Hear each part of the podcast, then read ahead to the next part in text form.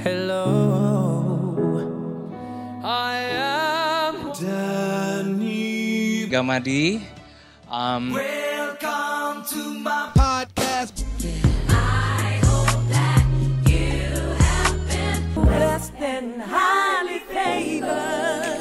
Hello, jumpa lagi dengan gua Denny Gamadi dalam podcast series Finding Your Life Calling. Dan hari ini bersama gua di sini ada Pastor Christopher Tapi Heru. Yo yo, what's up? Yeah, man. Nah, teman-teman pasti udah kenal banget siapa dia, pembicara yang sangat-sangat dinanti-nantikan tapi selalu fully book ya. Gak lah, gak selalu. Apalagi kayak gini kan lagi social distancing. Nah, Nggak social selalu. distance makanya kita bisa ngobrol dia. Yo, Pastor bikinin Christo. waktunya sama Tuhan. Yoi, thank you banget untuk waktunya. Kita bisa hari ini rekaman bareng. Teman-teman pasti udah tahu dia adalah seorang social media influencer. Terus memberkati banyak generasi, terus menyuarakan berita kebenaran. Dia juga adalah seorang teaching pastor, pendeta bagian pengajaran di New Wine International Church dan ambasador Alki- eh, Alkitab Jurnal ya di LAI. Yes, betul. Mantap bro. Nah hari ini kita lagi eh, ngobrol-ngobrol soal live calling. Yes. Jadi silakan leluasa ngobrol bercerita gitu ya. Eh, apa sih yang jadi panggilan Tuhan dalam hidup lu, Pastor Bro? Gitu ya. Oh, gimana dari mana ya? Dari pertanyaannya aja tadi. Oh, Kan boleh. ada beberapa beberapa Siap. list tuh tadi. Nah, coba dari awal aja. Apa yang lu rasa sebagai eh, panggilan yang Tuhan taruh di hati lu? Sampai lu ngomong Tuhan, ini ladang nih udah menguning Tuhan. Tapi kok kagak ada yang ngerjain Tuhan? Utus aku Tuhan. Nah ada passionnya, ada apinya. Mhm. ada panggilan yang jelas. My son, gua mau lu kerjain ini. Misalnya gitu kan, yang beda dengan Yep. orang lain, but Oke. yours is very specific. Ya. Oh, yang gua sadar dari awal sih dari awal bertobat di 2008 ya. eh, ketika Tuhan ganti hati gue sama yang baru. Gue jadi haus akan firman dan gue banyak baca, banyak belajar sendiri dan banyak eh, menemukan hal-hal yang baru berkaitan dengan pengenalan akan Tuhan dan melihat sekeliling gue eh, teman-teman gue khususnya yang sepelayanan atau yang seangkatan sejawat gue ngeliat mereka kayak gue dulu gitu. Maksudnya pelayanan gereja tapi tanpa pengenalan yang benar akan Tuhan. Dan gue jadi punya concern lebih buat mereka karena I I see I saw myself uh, in them dalam dalam tanda kutip dalam kesesatan yang rasanya nggak sesat kayak lu kayak tersesat di jalan yang benar gitu. Lu udah Kristen lu udah di gereja bahkan udah pelayanan tapi ya lu nggak sungguh-sungguh hidup dalam firman nggak sungguh-sungguh punya relationship sama Tuhan through prayers dan dan itu jadi concern gue yang utama dan apalagi kalau ngeliat adik-adik yang di bawah ya um, yang yang kitanya aja nih yang mestinya udah jadi leader masih masih istilahnya tanggung gitu apalagi mereka gitu. Pengenalan akan Tuhannya pasti nggak ada dan itu jadi concern gue um, semenjak itu gue suka baca Alkitab dan apa pun yang gue dapat gue rindu bagiin ke ke siapa pun yang mau denger gitu. Dan dan itu 2009 setelah setahun pertobatan itu gua, uh, Roh Kudus gedakin gue untuk bikin Bible study sendiri di luar program gereja. Dan um, teman ngajak teman aja. Mm-mm. hanya mau membagikan yang gue dapat sih. Pengenalan akan Tuhan. Gitu man. Jadi passion that's lu what drove me. Mm-mm. ya uh, uh, untuk membawa orang lebih mengenal Tuhan lah. Lebih kenal Tuhan ya. Iya Yoi, benar itu ya. sih passion utamanya yang sampai hari ini jadi apa ya jadi fuel of my ministry sebenarnya itu sih gua I rindu semua orang bisa punya hubungan lah sama Tuhan bukan Hmm. uh, more than just religion More than just Relationship. religion ya, tapi Mm-mm, relationship. mm-mm. I see. Yoi, karena too, too many religious man maksudnya yang beragama udah banyak gitu yang benar-benar punya hubungan sama Tuhan atau bahasa lainnya bertuhan tuh masih nggak terlalu banyak gitu dan itu jadi sebuah concern sih Mm-mm. Mm. Menurut lu ya, waktu orang itu udah kenal Tuhan dengan jauh lebih kaya nih dari sebelumnya, implikasinya bisa apa aja sih? implikasinya bisa uh, dia punya um, apa ya uh, security Hmm. eh, dalam dalam artian eh, dalam apa sih dia punya identitas ya karena ya. gue gue gue somehow believe karena kita ba- ketika baca sendiri di Alkitab gue mulai menyadari bahwa salah satu senjata iblis yang paling powerful itu adalah membuat kita terus dalam keadaan krisis identitas. Gitu loh. Hmm. jadi itu yang bikin orang kan insecure ngelihat sekelilingnya kadang talentanya lebih banyak tampangnya lebih cak lebih cakep terus eh, istilahnya nasibnya lebih mujur gitu ya berasal dari keluarga yang baik atau otaknya lebih pintar yang gitu-gitu aja bisa bikin kita insecure. Ketika kita mengenal Tuhan eh, kita punya apa self security itu pulih sih sebenarnya jadinya Iya, iya. nggak mudah nggak mudah ngiri nggak mudah minder dan nggak mudah sombong juga di saat yang bersamaan gitu unik sih Iya. sebenarnya itu implikasi secara em, apa ya secara psikis ya Hmm. tapi secara praktikal kita jadi orang-orang yang punya integritas karena tahu bahwa eh, kita ini dicipta, diciptain oleh Tuhan dan mestinya eh, sebagai ciptaan kita mesti memuliakan yang menciptakan kita. Kayak eh, sebuah lukisan yang indah pasti kan memuliakan pelukisnya sebenarnya. Dan apa pun yang karena gue kan seniman ya musik yang bagus lagu yang keren pasti bikin orang justru bertanya nih nyanyi siapa sih? Atau yang bikin lagunya siapa ya kok enak banget gitu. Jadi gue percaya uh, sebagai ciptaan kita mestinya um, memuliakan yang menciptakan kita sih dan itu implikasinya ke integrity sih. Integrity, uh, on daily basis in everything that we do sih. Semua hal, semuanya jadi kita kayak kasarnya kita nggak perlu diancam-ancam, nggak perlu dikasih CCTV untuk kerja bener karena tahu bahwa kita ini bekerja apa ya se- sepenuhnya sebenarnya kalau kita memandangnya dengan tepat untuk Tuhan yang yang menciptakan kita, yang mempercayakan kita banyak hal, termasuk pekerjaan, termasuk sekolah, kesempatan untuk sekolah karena kan nggak semua juga bisa sekolah atau kuliah. Dan kita ketika mengenal Tuhan implikasinya sampai ke situ. Integritas jadi apa pun yang kita kerjain, kita kerjainnya dengan segenap hati eh, seperti untuk Tuhan. Gitu.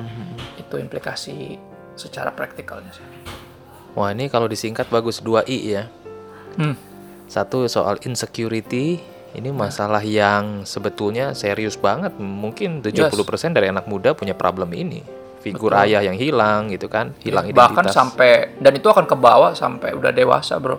Hmm, Lu lu terlalu terbiasa insecure, pasti akan terus-terusan insecure dan ada aja alasan untuk insecure. Karena kan makin makin makin dewasa kita tahu persaingan makin ketat kan. iya, Kita akan iya. terus bersaing sama siapa pun. Nah gitu see. tuh sat- satu lagi yang I tadi ya, apa satu insecurity sama satu lagi ya lagi integrity ya. integrity. Yoi. Mhm. Kalau dua hal dari diri anak-anak Tuhan ini aja, insecurity sama integrity udah ditebus, diridim lagi, Iya. wow, bakal banyak anak Tuhan yang siap berperang dengan sehat ya. Exactly, exactly. Kita jadi powerful, Iya, bener. bukan jadi harmful karena sering kali lawannya powerful bukan tidak berkuasa tapi berbahaya, Bro. Lawan dari powerful itu berbahaya ya. Yoi, lawannya powerful itu harmful. Hmm. Karena kan Gimana kita tuh? kita masih kita kan masing-masing punya resources, punya talenta, punya uh, kemampuan yang unik sebenarnya yang yang mostly God given dan um, beberapa bisa kita pelajari along the way sepanjang kita uh, sepanjang kita hidup. Dan dan kalau nggak dipakai buat Tuhan kita akan pakai buat diri sendiri. Dan itu selalu berbahaya Hmm. ketika kita makainya buat diri sendiri. Yap. namanya penyalahgunaan men. Maksudnya dalam hidup kan hampir kita bisa lihat di sekeliling kita yang membuat masalah yang berbahaya itu penyalahgunaan sebenarnya. Iya, kayak narkoba deh contoh. Narkoba itu kan sebenarnya obat-obatan. Kalau buat orang sakit kan itu Hmm. bagus. Ya nggak sih Hmm. cuma kalau buat orang nggak sakit kan jadi sakit gitu loh Benar, benar. Kayak cinta kayak juga music misalnya iya iya, music Ah. misalnya music is God, uh, Tuhan yang ciptain ya. Yap. Cuma ketika orang pakai musik untuk bukan untuk memuliakan Tuhan, uh, mainly memuliakan diri atau lebih parah memuliakan iblis, jadi Heeh. jadi harmful gitu loh, jadi berbahaya. Hmm. Nah yang kayak gitu-gitu sih dan banyak penyalahgunaan yang lain. I see. Nah, bro, dengan panggilan yang Tuhan kasih ke diri kita, ke diri lu saat Hmm. ini, kan gue baca banyak jurnal-jurnal psikologi cerita bahwa kerjaan yang paling emotionally draining yang secara tingkat stres paling tinggi 70% tuh pendeta. Pastor, yoi, Yap. Nah, Bener banget, dan- dan- Bener ya? yoi. Eh, kemarin kesaksian, eh, kesaksian salah satu hamba Tuhan yang gue kagumi kan. Eh, Pastor Jonathan Patiasina dia kan eh, rintis di Australia tuh rintis gereja. Hmm. dan dia datang ke psikiater kan ceritanya mau mau konsul. Terus uh, psikiaternya nanya what you doing for living? Dia bilang lu lu tuh ngapain sih kegiatan lu sehari-hari? Uh, terus dia bilang I'm a pastor of a church. Terus uh, psik- psikolognya bilang oh ya udah gampang gini aja quit your job and you'll be fine kata dia sampai gitu men Aduh. maksudnya.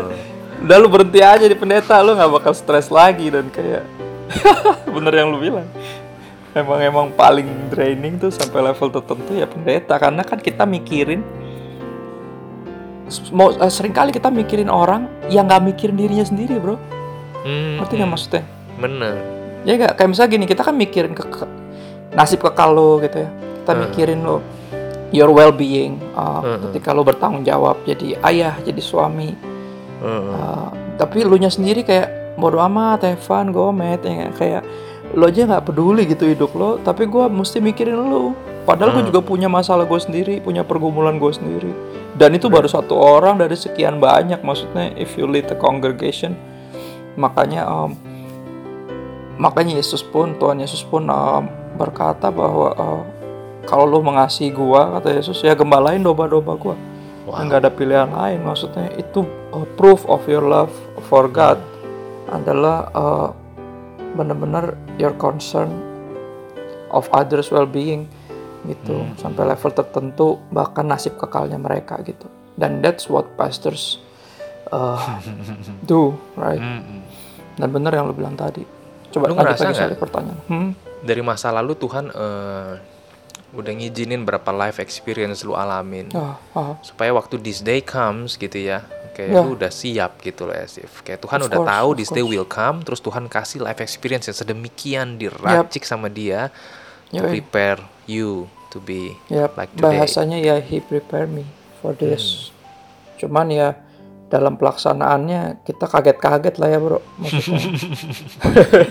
Tetap tetap udah kayak sering banget dalam keadaan yang kayak apaan nih gitu kayak. Tapi that's that's that's how life works sebenarnya. Whenever kita mau dipercayain sesuatu yang lebih besar, pasti ada ketidaknyamanan yang terjadi gitu. Ya kan sih?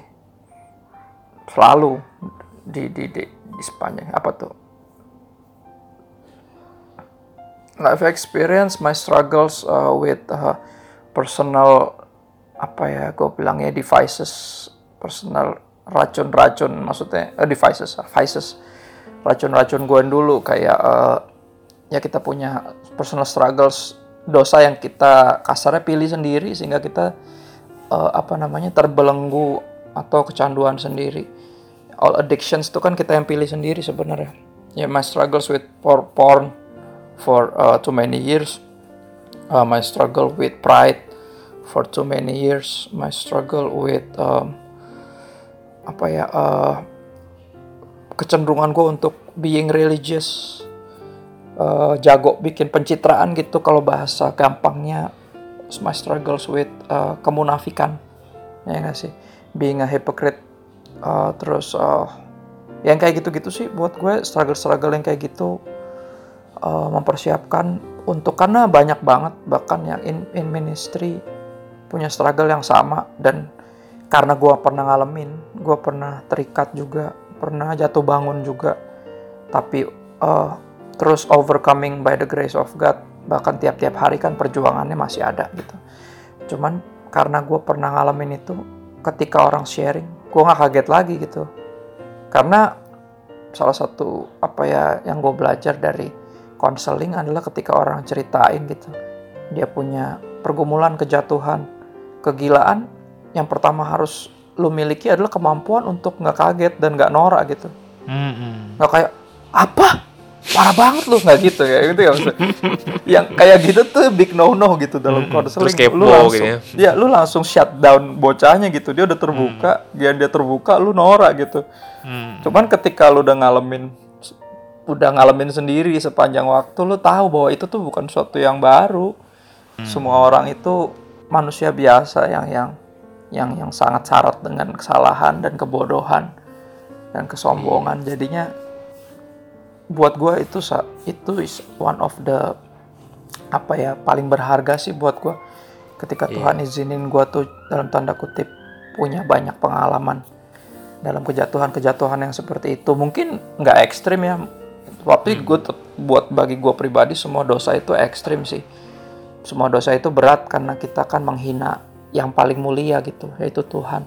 Hmm. kadang kadang gue berharap gitu gue punya pengalaman kayak uh, terikat drugs terikat uh, yang yang kehidupan malam atau mungkin uh, I'm, I was involved in gangs. Kadang gue ngerasa hidup gue tuh kayak kurang seru gitu sehingga kalau orang ada yang sharing-sharing beberapa gue nggak bisa handle gitu karena waduh gue nggak pernah ngalamin ini men. Canduannya seperti itu atau kayak uh, dalam situasi kayak lu cuman gue tetap percaya tiap orang um, diizinkan punya pengalaman yang uh, distinct yang unik berbeda karena Tuhan mau pakai kita untuk uh, orang-orang spesifik juga gitu Hmm, hmm. sampai level tertentu kan gue pernah gue juga masih sampai hari hari ini juga masih sering pimpin komsel di rumah yang yang open for public ya Heeh. Uh, uh, pengajarannya disiarin live tapi kalau lu mau datang ke rumah di komsel siapa aja bisa datang. Dan gue pernah sampai level ngeluh gitu sama Tuhan. Gue bilang Tuhan kenapa sih yang datang tuh nggak ada yang jelas gitu? Maksudnya aneh-aneh semua gitu. Gue bilang ketemuin gue sama yang yang yang udah agak secure tapi masih insecure sedikit gitu. Tapi kenapa orang aneh semua yang datang?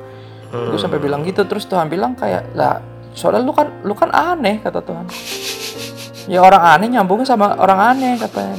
Jadi jadi Tuhan jawabnya gitu doang gue lagi ngeluh gitu kan capek kan? Karena semua datang dengan problem uh, pergumulan.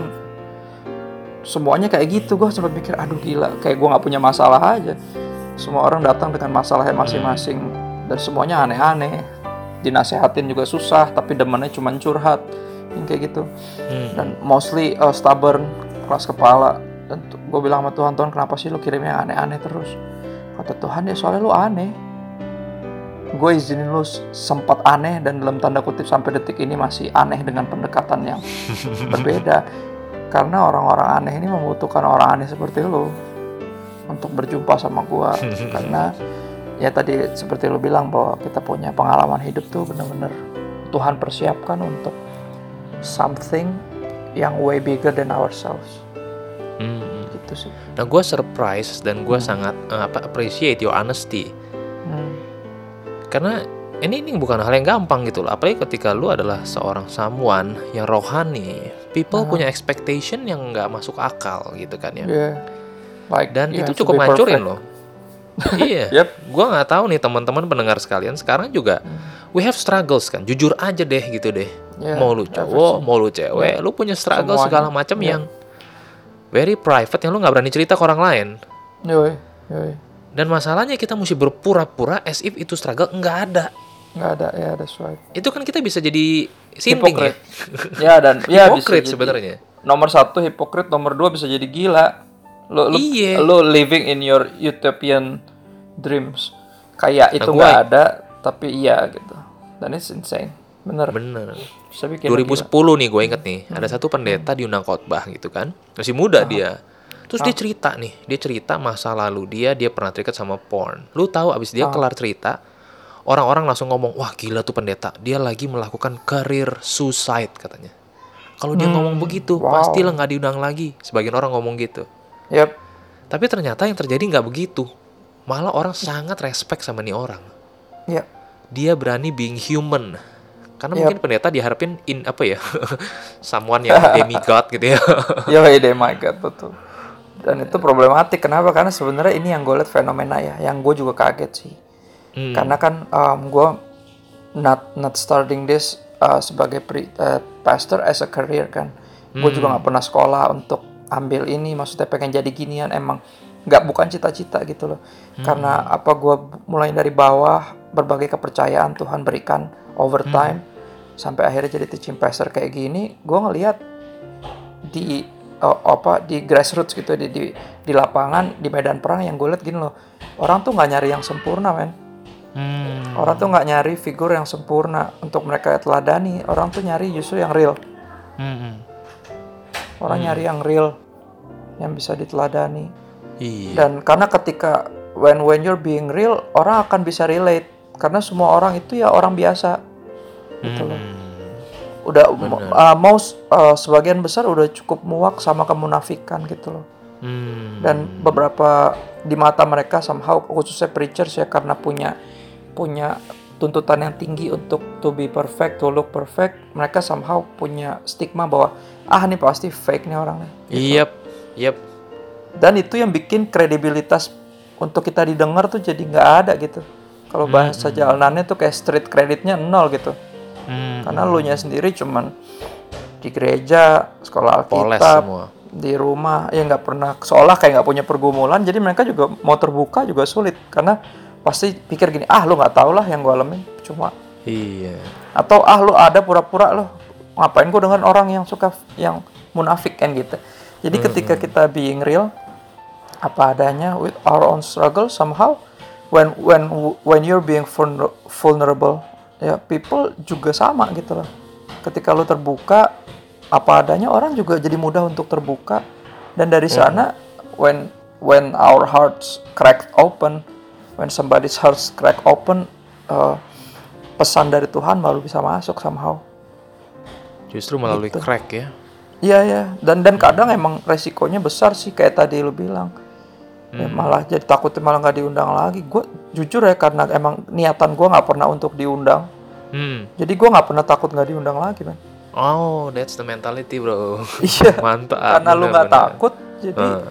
lu jadi berani gitu dalam tanda kutip gini misalnya em, orang yang yang eh, apa ya orang yang nggak takut miskin nggak bisa disogok pakai duit. Hmm, hmm. Ngerti nggak maksudnya? Hmm, Sama persis Yep. karena gue emang nggak pernah ada niatan kasarnya gue diundang lagi, gak usah diundang lagi deh, diundang it at for the apa untuk Second diundang order. aja itu udah aneh gitu buat gue. Untuk Hmm. diundang pertama kali aja udah aneh. Hmm, Jadi gue nggak pernah mikir mau diundang lagi kedua kali gitu loh. Jadi kalau diundang lagi kedua kali ya puji Tuhan gitu. hmm. Dan sampai sekarang ya anehnya ya kayak gini gitu loh sampai level tertentu masuk masuk kategori beberapa orang anggap tuh fenomenal gitu loh. Iya, iya. Gue juga bingung gue juga bingung. Tapi ya Memang- when memang- akhirnya gue menyadari tadi orang tuh nggak nyari yang sempurna tapi nyari yang real. Hmm, karena real itu means bisa relate gitu somehow. Hmm, hmm. gitu sih bro. Iya, bener. dan gue juga kalau buat gue berguna buat jiwa gue sendiri sih when I'm being open. Karena um, Iya. dosa itu bertumbuh itu di per- di tempat-tempat tersembunyi.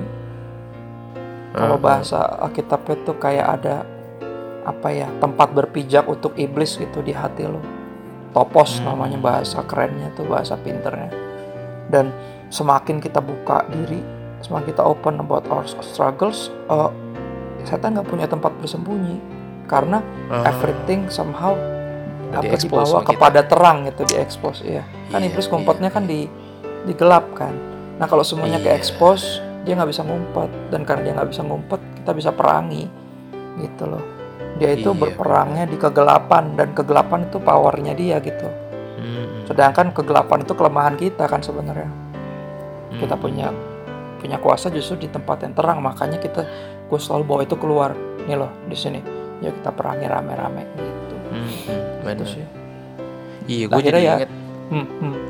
gue ketemu gembala kan di Singapura kan, Ah. orang Singapura. Ya. Dia cerita kalau gue konseling lawan jenis kan dia laki, gue selalu Nah. maunya di tempat terbuka kata dia. Betul. Bukan karena gue nggak percaya si cewek katanya, tapi gue nggak percaya sama gue diri gue percaya sendiri. diri gue exactly. Jujur banget. Yoi. Dan sampai level tertentu yang salah satu yang gue kagum ya, Bapak hamba Tuhan punya personal, uh, dia bikin their own boundaries and restric- restrictions karena mereka tahu kecenderungan mereka sendiri. Iya iya Yang iya. buat gue dalam ilmu berperang, know your enemy itu selalu penting. Hmm. Dan most of the times sebagai manusia, we are our own worst enemy, man. Hmm, hmm, ngerti nggak maksudnya dan itu lu mesti ngerti dan eh, ya ada salah satu hamba Tuhan yang gue kagum dari Amrik dia sampai dia tuh nggak pernah berdua di satu ruangan dengan perempuan yang bukan istrinya Hmm, jadi misalnya di lift nih di lift nih hmm, hmm. liftnya kosong terus lu mau masuk karena mau naik ke lantai berapa? Dan ada perempuan juga masuk. Dia Iya. turun. Oke. dan itu keren bro. Buat gue Iya, gila iya, itu keren banget sih. Itu satu satu restrictions yang apa ya kayaknya Disiplin ketat ya. banget dan kayaknya norak banget. Tapi itu penting. Benar. karena dia tahu sendiri dia tuh seberapa dalam tanda kutip manusianya. Seberapa dalam tanda kutip bahkan sampai level tertentu monsternya gitu. Ngerti nggak maksudnya Iya. dan itu keren sih buat gue itu menginspirasi kita harus set our uh, boundaries for ourselves uh, in order benar-benar untuk uh, apa ya untuk menjaga lah Iya benar. Karena gue juga punya masalah anggap remeh. Nah exactly. Ah udahlah itu doang. doang. Gue udah tahu pasti gue jatuh di situ lah. Ya, Tapi ntar juga dosa- balik-balik semua. dosa manusia pertama kan juga gitu ah cuman makan gini doang apa sih cuman makannya nggak boleh dimakan bro kayak apa sih eh Iya. Masa mati lah enggak lah. Paling akhirnya mencret. berantakan semua sampai hari ini ya gitu Wow. Ada banyak hal yang kita belajar bukan cuma di masa lalu tapi juga siapin diri buat masa depan ya. exactly exactly Nah, lu sampai bisa ah sorry, nggak lanjut lanjut sampai bisa nemuin diri sekarang jadi seorang pengajar Alkitab, preacher. Kan ada banyak pengajar Alkitab, preacher gitu ya. Boleh nggak lu share apa yang jadi eh, main talents yang lu punya? Main Apa talenta talents. utama yang Tuhan titipin yang bikin lu Tuhan bilang lu this kind of preacher gitu loh. Kan lu dulu nyebut diri lu adalah not your typical pastor gitu ya. Bener nggak gue? iya Nah, tapi kalau boleh tahu nih kalau lu selidiki, Tuhan tuh kasih satu pedang khusus yang disebut talenta yang yang beda ukirannya dengan orang lain. Apa sih talenta unik lu? talenta unik I don't I don't find myself as unique karena tiap orang gue yakin unik kan setiap kita diciptain cuma satu kan cuma Iya. satu lu ya kalau buat gue salah satu kekuatannya mungkin karena gue awam. Mm-mm. jadi bahasa gua itu terlalu jalanan gitu. Bahasanya. Heeh. bahasanya terlalu awam sampai semua orang sam- dari yang kasarnya dari yang paling pintar pasti ngerti lah. Karena pintar kan bisa ngerti bahasa mana aja. Sampai bahasa yang yang ter- terpelajar paling tinggi sekalipun dia ngerti karena pintar. Cuman sampai orang yang nggak terpelajar sekalipun bisa ngerti Iya. gitu. Betul. Jadi kalau kalau kata apa kalau orang-orang bilang itu kayak kelemahan, tapi kekuatan lo di saat yang bersamaan. Hmm. Kayak kemarin nih gitu ya maksudnya I'm a layman sampai detik ini. Tapi Hmm. gue terus belajar. Nggak sekolah kan bukan artinya nggak belajar. Mm-mm. Ya. Dan eh, tahun ini sebenarnya gue punya kerinduan buat sekolah Alkitab. Terus somehow gembala gue find out. Om dengar kamu mau sekolah sekolah Alkitab ya? Mau sekolah teologi? Iya om, aku bilang. Terus dia bilang, jangan deh. Lah, kok jangan? Dia larang. Jangan nanti kamu berubah kata dia gitu. Hmm. Karena yang yang yang yang bikin uh, New One International Church tarik gue as their teaching pastor di, in the first in the first place itu karena keawaman gue. Hmm. Mereka tuh butuh uh, teologi yang dalam dengan Hmm. bahasa yang sederhana, bahkan sampai level tertentu sangat sederhana.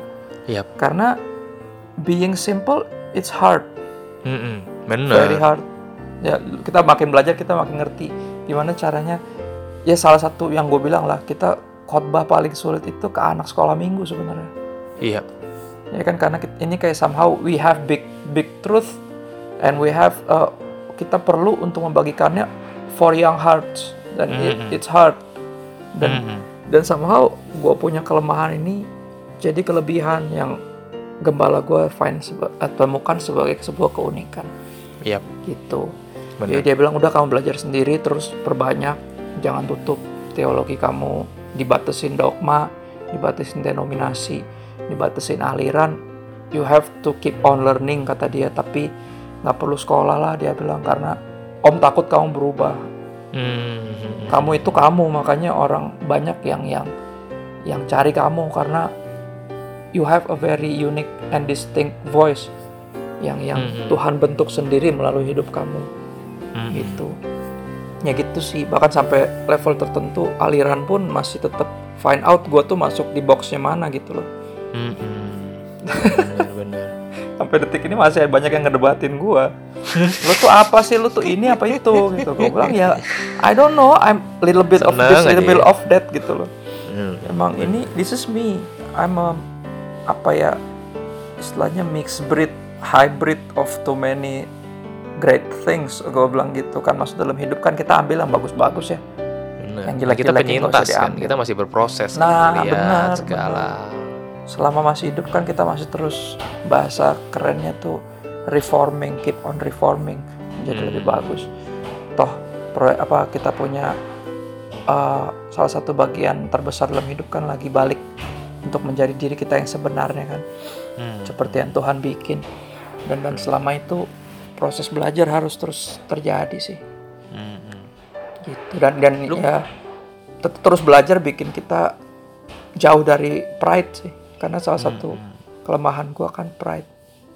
Kelemahan siapa pun sih. Iya bener-bener. dan semakin lu tahu ada yang lebih pintar dari lu lebih tahu dari lu atau ada hal-hal yang belum lu tahu lu dijaga buat tetap rendah hati men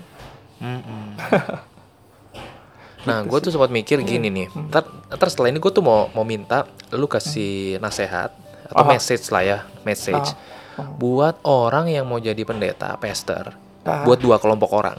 oke Satu adalah nasehat buat mereka yang sekolah teologi. oke sekolah kita apa Oh, oh, yang lagi gitu ya, atau Ya, udah ya, ya. mau kelar lagi, baru kelar Oke. misalnya. ya. Yang kedua adalah mereka yang nggak sekolah kitab. yang nggak sekolah tapi Nah, mau nah, nasihat. Bener, nasihatnya buat mereka yang baru lah ceritanya ya. Kalau udah senior sih, Oke. ya udahlah ya. nah, tapi kalau ada gue punya, juga senior yang mengagumkannya masih mau terima nasihat sih wah buat bener, gue orang-orang kayak gitu selalu jadi panutan itu hatinya Agung. Yoi, panutan banget sih. Yoi. Nah, kalau Ada gue soalnya berarti ya? ngeliat nih, ada dua tuh. Nah, ini pendapat gue ya. Kalau gue lihat eh, kesulitan orang yang nggak belajar teologi sistematis itu dia mesti kerja keras cari framework. Karena Betul. mesti kerja keras kan. Aduh gimana nih frameworknya utuhnya gitu ya gambaran gedenya. Ya, ya, ya, ya. Kelebihannya adalah dia ada di dunia. Lebih nyambung. Jadi kayak kayak dia misionaris, dia udah udah seumur hidup tinggal di suku itu gitu loh. betul. Dikasih beritanya, dia akan ngomong pakai bahasa suku itu. Sedangkan Yoi. kalau lu lu dulu udah luar negeri, masuk ke sono, lu mesti unlearn gitu kan. Nah, sekarang kalau yang belajar teologi, wah lu punya toolsnya, lu punya frameworknya kuat. Tapi ada banyak hal yang lu mesti humbly speaking ngomong, lu mesti unlearn dan lu harus relearn. Betul. Waktu waktu si orang scholar yang belajar teologi itu tidak punya eh, kemauan untuk unlearn many things dan relearn Ya. hal yang baru, Hmm. dia struggle atau dia nanti jadi jahat. Jadi jahat. Betul. Jadi jahat. Itu jahat, itu jelek ya. Jadi jahat bahkan gitu. Iya, Ada yang jemaat dia nggak ngerti, yang beda beda beda beda konteks kehidupan gitu kan. Betul. Ya jadi dua-dua ya selalu ada ininya lah ya. Plus minus. ya. Karena ketika si lulus teologi itu kelar, dia baru mulai, Bro. Dia belum Iya. selesai, dia baru mulai masuk berinkarnasi jadi manusia. Ke dunia nyata. Baru Iya. nyambung. Dan si itu ya yang yang yang belajar awam ya dia mesti belajar framework dan itu nggak gampang gitu loh. Kayak Orang Yes. banyak khotbah tapi itu nggak gampang karena nyari frameworknya kan. Lu bisa baca buku Ya. teologi dalam, oh keren banget. Tapi pas lihat framework luas, lu bakal jadi lebih humble. Oh ternyata gue baru Oh belajar gini ternyata sisi salah nih. kiri misalnya. ya. Hmm, Ah, hmm. ya betul betul betul. Nah anyway, now it's your turn. Yes. Apa message lu buat dua kelompok teman-teman Eh, kita? dua kelompok. ini? Buat yang Yes. sekolah, buat yang sekolah, gue selalu bilang kalau lu nggak lagi dalam pelayanan jangan sekolah, Kalau lu nggak lagi dalam pelayanan, jangan sekolah. jangan sekolah. Maksudnya lu harus sambil melayani, Oh, I see. Seba- ya kan? Jadi biar apa pun yang lu pelajari itu berguna karena lu langsung pakai buat melayani, bukan cuma lu kumpulin. Hmm. Karena kalau lu kumpulin lu kayak nyiapin amunisi. Jadi nanti ketika lu udah lulus lu bingung mau nembak siapa tau gak lu? Ternyata udah damai, udah nggak- bukan nyaman perang. Ngerti gak maksudnya? Ya. Hmm. Jadi dia akan pakai dia punya pengetahuan buat nembak-nembakin orang dan itu kan jahat yang tadi lu bilang.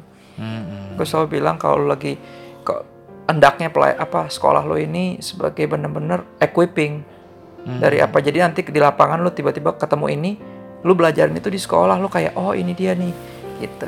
Jadi gue selalu bilang kalau emang jangan sampai ini jadi eh, ini yang gue belajar dari bokap ya bokap kan dosen sekolah alkitab Oh. sampai hari ini udah tahun ke 41 Wuih. dia bilang ya dia bilang itu um, apa jangan jadiin pendeta sebagai cita-cita dia bilang Hmm. sadari bahwa ini panggilan karena cita-cita itu berbau ambisi. Sedangkan kalau calling itu berkaitan sepenuhnya sama visi. Dia bilang tau nggak visi visi sama ambisi kan dua makhluk yang berbeda kan? Hmm. gitu loh. Ambisi bikin orang jadi punya ya jadi jadi jahat sedikit banyak gitu loh. Jadi manipulatif bahkan sampai level tertentu mau pakai pengetahuannya untuk jadi yang paling pinter Iya. jadi yang paling benar secara dalam arti pengen jadi superior di antara yang lain dan melayani juga jadi level kalau udah ambisi itu jadi kayak persaingan gitu loh Hmm. jadi kalau kata bokap sampai level yang paling gesrek ya, yang paling aneh itu adalah level lu tuh jadiin pelayanan sebagai untuk mencari hidup. Padahal Mencari. kata bokap sejatinya pelayanan itu untuk memberi hidup, bukan Hmm. mencari hidup. I see. Wow. Gitu loh. Yep.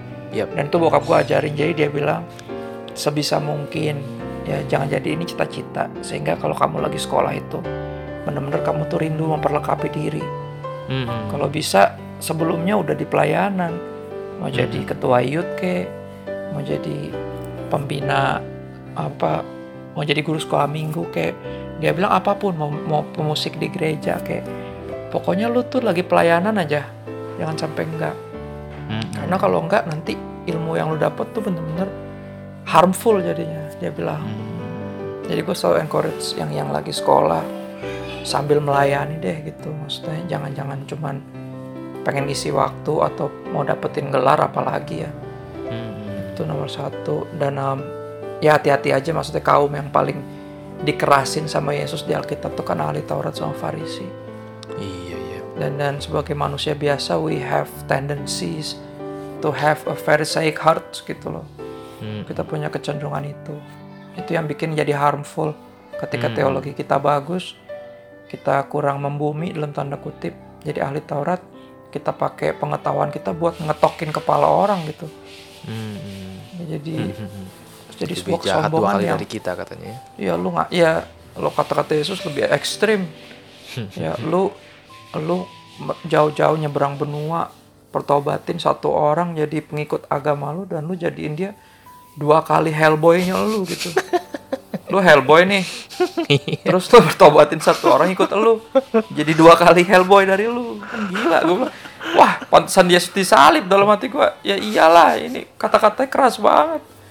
Gimana sih lu denger kata-kata kayak gitu? Tapi gue selalu bilang om jangan lupa gitu loh karena kecenderungan kita ketika udah tahu tuh arogan terus superior. Hmm. dan ke mana-mana ya kerjaannya jadi cuman menghakimi.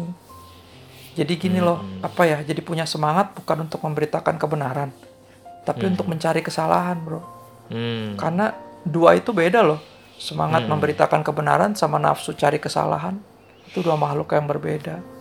Hmm. dengan teologi yang Spiritnya sama yang berbeda ya. nah spiritnya lain spirit Yesus atau uh, spirit uh, Farisi ahli Taurat gitu. Jadi gue selalu bilang yang lagi sekolah jangan sampai lah lu jadi ahli Taurat gitu loh. Karena ahli Taurat itu kan ahli cuman Ahli mereka ya. juga. problemnya adalah di Yesus bilang ya mereka nggak melakukan yang diajarkan gitu cuman buat pengetahuan aja. Itu buat yang sekolah Um, hati-hati di situ.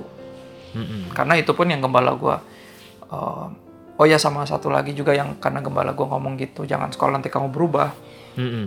ya gue percaya uh, jangan sampai kita punya um, referensi mengubahkan keunikan dari setiap diri kita referensi Hmm. hendaklah tetap jadi referensi ya sebagai orang yang Referensi kuliah yang desain dimaksud tuh ya dari berbagai pelajaran lah Oh, dari ilmunya ya. tokoh-tokoh ya, ilmunya theologians yang mana jangan sampai kita jadi copycat dari tiap orang karena kita ini di, di wired unik sama Tuhan. Mm-mm. kadang ini nih, sebagai seniman ya gue ngomong dari seorang seniman. Gue kuliah desain grafis. Nah, dosen gue selalu ingetin please jadiin tetap itu referensi.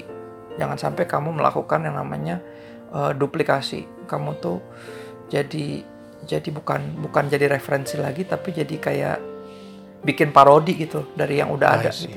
Ya. Mm-mm. dia bilang jangan karena itu jadi nggak orisinil. Referensi harus banyak tapi please jangan sampai jadi nggak orisinil karena kebanyakan referensi dia bilang. Mm-mm. gitu. Dan dan itu penting sih. Um, jangan sampai lo kehilangan uh, keunikan yang Tuhan emang taruh di dalam diri lo. Hanya karena kebanyakan belajar dan sekolah. Belajar nggak pernah salah sekolah juga jangan sampai ngebentuk lo jadi apa pribadi yang yang udah nggak unik lagi gitu. Lo jadi kayak robot karena Mm-mm. oh kalau produk sekolah sini nih semuanya jadi kayak gini gitu kayak ngeri juga gitu padahal kan sekolah nggak pernah mau bermaksud mencetak robot Benar. gitu itu Kalau buat itu. yang kalau buat yang nggak belajar. Mm-mm. ya yang layman um, tetap keep on reading khususnya the Bible Uh, gimana cara bangun framework kalau emang itu jadi masalah kalau gue percaya gini am kalau lu ke rumah gue ya ini ini gue ya kalau lu ke rumah gue lo akan lihat buku-buku yang bener-bener uh, akan lu lihat personal library theological library yang terbentuk along the way gue baca kitab jadi cara gue beli buku gini gue bukan beli buku yang menurut orang bagus atau kayaknya bagus menurut gue gue beli buku kalau gue baca Alkitab itu lagi stuck. Hmm. jadi misalnya gue lagi di kejadian nih Mm-mm. gue akan punya kecenderungan baca kejadian dulu ya terus kalau udah stuck gue baru cari buku yang ngejawab apa pertanyaan gue itu Mm-mm. Nah, baru kejadian udah mau lewat gue beli buku yang berkaitan sama kitab kejadian itu justru ketika dia udah mau lewat Oh, baca Ngerti nggak? mentahnya dulu ya. iya jadi baca mentai dulu nih ketika mentok mencari buku buat ngejawab pertanyaannya biar nggak mentok nih biar bisa lanjut nah udah mau kelar gue baru nyari reference commentary yang berkaitan dengan kejadian itu. Jadi Mm-mm. reference akan jadi reference bro. Bukan Iya. jadi yang bukan ngegiring gue untuk baca. Komentari juga tetap jadi komentari. Bukan Hmm. jadi yang ngedikte gue mesti bacanya gimana ngerti gak jadi dari sana diperkaya karena udah Hmm. baca duluan. Kalau belum baca duluan kan lu jadi di propaganda namanya jadi akhirnya di- dikurung gitu. Padahal kan Hmm. cara baca nggak selalu harus kayak gitu Iya. jadi karena gue bacanya plek-plekan real pelan-pelan dan terus sambil apa fully in prayers ya berdoa Hmm. roh kudus tuntun saya tuntun saya gitu saya mau ngerti saya mau mengenal engkau gue selalu gitu gue cuma gue nggak pernah baca pengen tahu gue baca pengen kenal dan Hmm. pengen taat gitu karena kalau Hmm. cuma tahu doang nggak taat jadi farisi ahli Taurat Iya, iya. Kalau taat doang tapi nggak tahu juga bingung juga lu taatin apa lu juga nggak tahu. Jadi cara gue gitu bro. Nah karena baca dari kejadian sampai Wahyu sepanjang dari tahun 2008 Mm-mm. udah udah 12 tahun. Tanpa sadar di rumah tuh kebentuk satu Hmm. theological library yang gue yakin pasti itu membentuk satu framework framework yang bikin gue ngelihat denominasi aliran itu jadi sebuah satu kayak ah ini masih mikro gitu ngerti gak? Hmm. kita sering kali makanya libur ributin sesuatu yang kayak ngapain sih ributin ginian gitu loh karena framework gue itu bener-bener kayak tadi kebentuknya Iya. dari dari buku-buku khususnya dari Alkitab mainly gue itu ya buku utama gue ya Alkitab orang kalau nanya kak kalau mau kenal Tuhan buku mana sih? Kak ada nggak buku bagus buat anak muda? Gue bilang ada nih ini dia bukunya. Ya itu mah gue juga tahu kak. Kata dia enggak lu nggak tahu. Kalau lu ngomong gitu berarti lu nggak tahu. Hmm. karena lu mestinya paham ini dia mainnya. Hmm. Tuhan itu menyatakan dirinya. Nomor satu itu selain lewat alam semesta nomor satu itu lewat firmannya sendiri. Hmm. dan we need to uh, build our theological framework around the this gue selalu bilang this old book Iya. Hmm. Gitu. Benar. Lebih banyak. dan I itu yang mencegah many great books, but live in the Ya. Bible. betul exactly that's that's that's how uh, the the apa ya perfect wordingsnya menurut gue sih gitu jadi buat yang belajar sendiri gue selalu bilang nomor satu harus bukunya Alkitab lah itu buku wajib yang lainnya kayak suplemen lah ada makanan utama yang lainnya suplemen kasar lu beli bisa lu nggak beli juga nggak apa-apa gitu. Cuman ya ber, apa ya hindari untuk berhenti belajar lah. Baik yang lagi Iya. sekolah maupun yang nggak sekolah. Karena keep on learning selalu the key sih to be humble. Karena orang yang humble bisa diisi lebih banyak bro. Iya, benar. humility itu kan selalu Keep upaya learning, untuk humble, humble. unlearning kalau bahasa lu tadi. Iya, orang bilang kita dikosongin biar bisa diisi penuh benar. itu sih Karena dosen gua yang S3 Biblika, dia bilang waktu gua baca Alkitab dari sudut pandang gua S3, gua makin lihat gua nggak ngerti apa-apa. Dalam banget, men. Gak Yoi, bisa sembarang ngomong. Ini pasti begini. Dia agak berhati-hati Eh, karena belum dia pernah tentu. S3 ya, dia udah dalemin semua. Wow, ini enggak, iya ini dalam banget gitu. Jadi lebih humble malahan. bener exactly Oke deh kalau gitu. This is amazing time with you, Pastor Eh, Christopher you, Tapiheru. Ya. Dan seperti yang gue selalu ulang-ulang tujuan dari series Finding Your Life Calling ini buat teman-teman sekalian adalah agar anak muda terinspirasi untuk berkarya sesuai panggilan yang Tuhan letakkan di hati mereka. Anak muda menemukan life calling mereka dan anak muda berkolaborasi jika ada bidang-bidang yang serupa. Thank you so much sekali lagi Pastor Christo. thanks for having me Gua Denny Gamadi. yes, Christopher Tapihero signing Yes, out. we check out and God bless. God bless